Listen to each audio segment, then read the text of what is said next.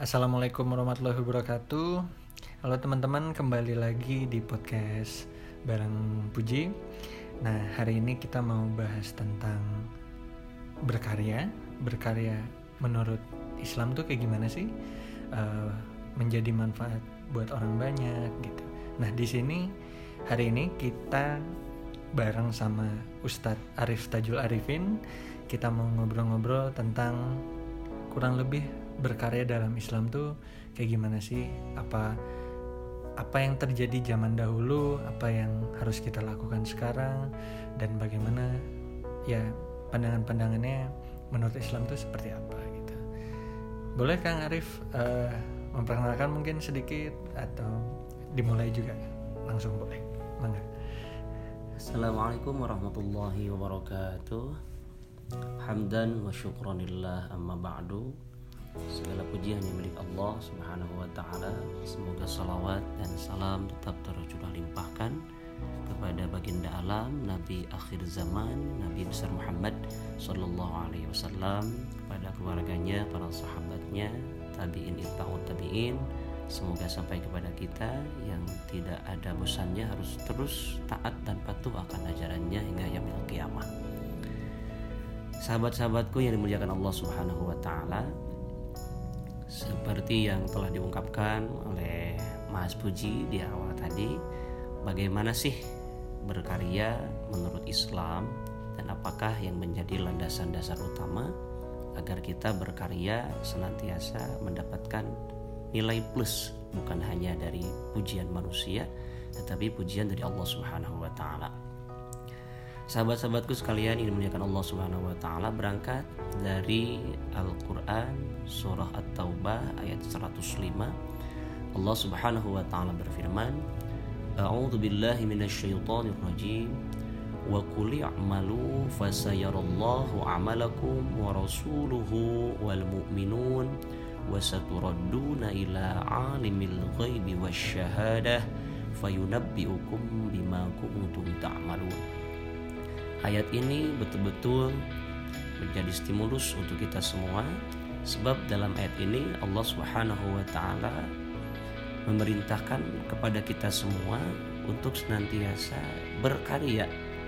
Sebab bukan hanya Allah Subhanahu wa taala saja yang senantiasa menganjurkan atau menyuruh kita untuk berkarya, tetapi Rasulullah Shallallahu alaihi wasallam dan juga orang-orang yang beriman, orang-orang yang saleh sebab karya yang kita kerjakan atau karya yang kita buat akan Allah perlihatkan dan akan dilihat juga oleh Rasul, akan dilihat juga oleh orang-orang yang beriman dan kelak nanti Allah Subhanahu wa taala akan memperlihatkan dan memberitakan terhadap apa yang telah kita kerjakan. Sahabat-sahabatku yang dimuliakan Allah Subhanahu wa taala, tentunya ada beberapa etika dalam Islam agar karya yang kita buat tidak sia-sia. Di antaranya yang pertama, dalam berkarya itu kita harus memiliki niat yang lurus. Dalam hal ini berarti niatkan hanya untuk ibadah mencari keridhaan Allah Subhanahu wa taala.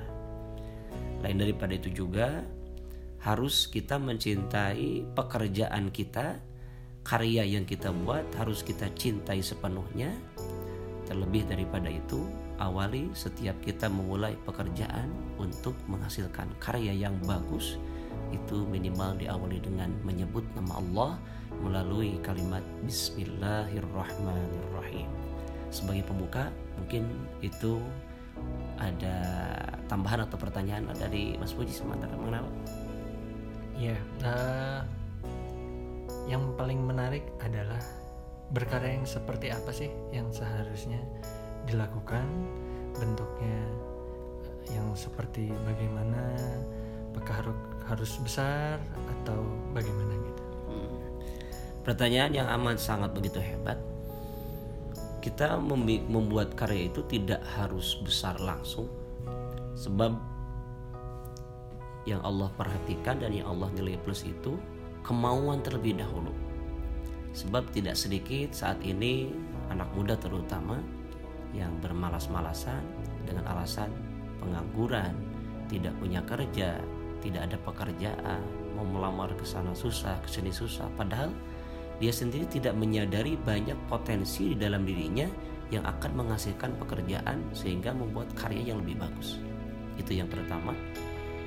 Yang kedua, setiap pekerjaan yang menghasilkan karya itu harus memiliki tiga unsur. Yang pertama, bagaimana caranya agar dengan karya itu bisa membuat kebaikan untuk orang lain tetapi bukan mengharapkan kebaikan dari orang lain. Yang kedua, dengan karya itu bisa bermanfaat bagi orang lain, bukan memanfaatkan orang lain. Dan yang ketiga, dengan karya itu senantiasa membuat orang yang tadinya memutuskan tali silaturahmi akhirnya dengan karya yang ada justru bisa menyambungkan tali silaturahmi yang imbasnya kata Rasulullah Shallallahu Alaihi Wasallam siapa orang yang senantiasa ingin dipanjangkan umurnya, diberkahkan umurnya, dan juga Allah berikan keluasan dalam rizkinya. Rizki dalam tanda kutip luas, baik itu umur, rizki dalam bentuk uang, dalam bentuk makanan, pekerjaan dan sebagainya, maka kata Rasul, jangan pernah memutuskan tali silaturahmi. Itu mungkin yang pertama. Ya menyam, menyambung yang tadi yang poin pertama bahwa sebenarnya kan Nabi Muhammad SAW bilang bahwa uh, khairunas anfa'uhum linas betul betul bagaimana uh, elaborasi atau penjelasan yang lebih ini tentang kaitannya dengan karya gitu berawal dari manusia diciptakan oleh Allah Subhanahu wa taala dengan fasilitas yang begitu amat sangat hebat karena manusia diberi akal oleh Allah Subhanahu wa taala dan akalnya ini beda dengan akal yang diberikan Allah kepada makhluk selain Allah yang namanya manusia. Kalau di manusia itu disebutnya akal gorizi, akal yang bisa menemukan Tuhan. Kalau akal yang ada di hewan misalkan itu disebutnya akal tabii, artinya terbatas. Dengan sendirinya dengan akal yang diberikan oleh Allah Subhanahu wa taala yang sekaligus menjadi fasilitas utama untuk kemajuan seseorang dalam berkarya berarti harus senantiasa akal tersebut digunakan sesuai dengan aturan yang telah Allah gariskan melalui agama tentunya agama Islam yang kita cintai. Dengan hadis Rasulullah Sallallahu Alaihi Wasallam yang bunyinya khairun nas anfa'uhum linnas manusia yang paling baik di antara yang baik itu adalah manusia yang bisa memberikan manfaat bagi manusia yang lainnya. Dalam hal ini, buatlah karya yang senantiasa bisa memberikan manfaat khususnya untuk dirinya sendiri, terlebih untuk orang lain. Kalau senantiasa kita belum bisa memberikan manfaat bagi yang lainnya, minimal kita jangan membuat madarat bagi yang lainnya. Sebab kalau kita tidak berkarya diamnya saja manusia itu dihisap oleh Allah Subhanahu wa taala. Pekerjaannya pun dihisap, karyanya pun dihisap dan hisaban dari Allah yang paling mudah sehingga mendapatkan pujian dalam hisaban Allah yakni karya yang memberikan manfaat bagi banyak orang. Seandainya kita tidak berkarya, diamnya saja pun dihisap, kita lebih memilih mana? Tentunya berkarya dan menjadi manusia yang bermanfaat untuk diri dan kebanyakan orang itu mungkin baik uh, mungkin satu pertanyaan lagi tentang karya apa yang menurut Islam yang jejaknya ketika kita sudah tiada di dunia uh, tapi akan tetap langgeng gitu ya akan tetap panjang pahalanya hingga kita uh, menunggu di akhirat sana kita tetap bisa mendapatkan hal itu. Uh, mungkin itu dulu sih istilah kata panjang umur untuk manusia itu ada dua penjelasan yang lebih detail. Yang pertama panjang umur dalam hitungan matematis manusia. Baik itu dari 40 sampai 50 bahkan sampai 100 tahun itu yang disebut dengan panjang umur menurut hitungan matematis manusia.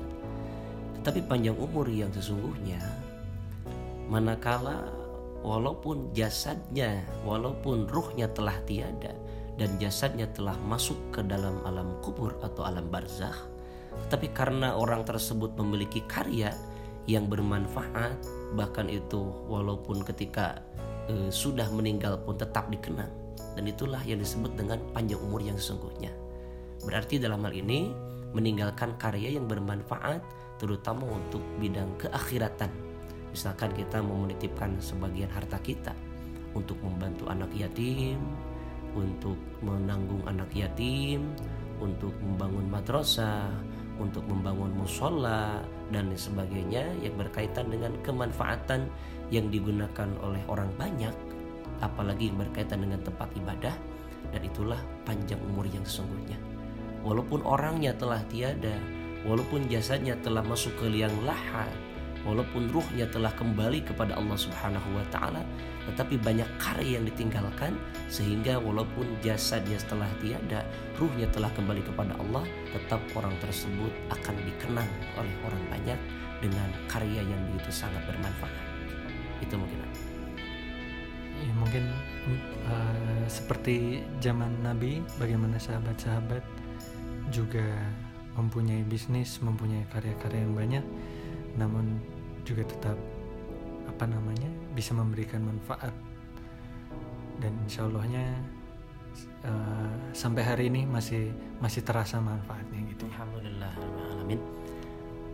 Kalau kita mau lihat ke sejarah di zaman Rasulullah Sallallahu Alaihi Wasallam, pada waktu itu Rasulullah Sallallahu Alaihi Wasallam sampai memuji kepada seseorang yang bekerja hanya mencari kayu saja Beliau bersabda dalam hadis yang diriwayatkan oleh Imam Bukhari Muslim yang artinya Sesungguhnya apabila salah seorang di antara kamu mengambil tali kemudian mencari kayu bakar dan kayu itu diletakkan di atas punggungnya hal itu adalah lebih baik daripada ia mendatangi seorang yang kaya raya untuk meminta sesuatu kepadanya yang ada kalanya ia diberi dan ada kalanya ia tidak diberi.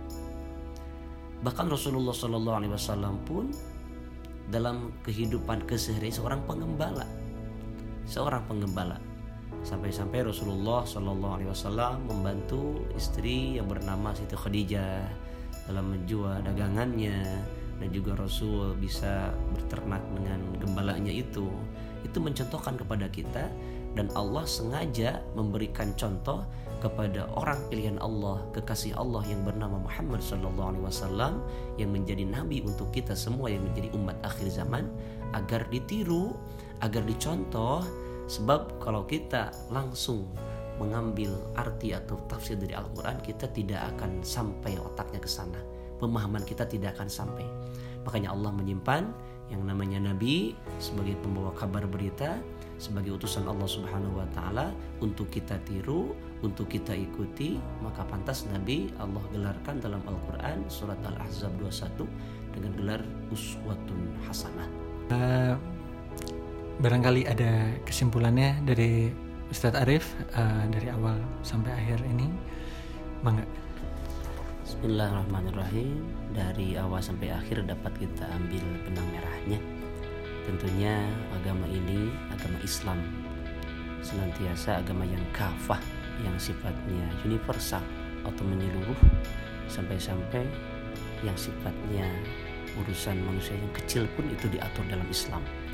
Intinya dalam berkarya itu yang pertama kita luruskan niat hanya untuk mendapatkan keridhaan dari Allah Subhanahu wa taala. Yang kedua, dalam berkarya itu kita harus mencintai apa yang kita kerjakan. Dan yang ketiga, kita wajib mengawali setiap pekerjaan yang kita laksanakan minimal dengan ucapan bismillahirrahmanirrahim agar pekerjaan yang kita lakukan di dalamnya ada Allahnya.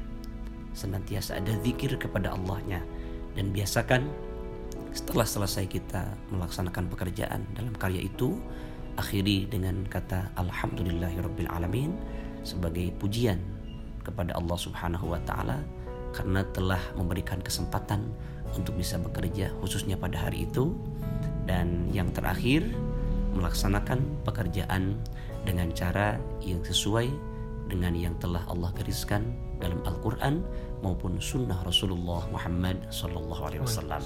Mudah-mudahan ada manfaatnya. Terima kasih atas segala perhatiannya. Kita tutup dengan doa akhir majelis. Subhanakallahumma wa bihamdika asyhadu an la ilaha illa anta astaghfiruka wa atubu. Wassalamualaikum warahmatullahi wabarakatuh.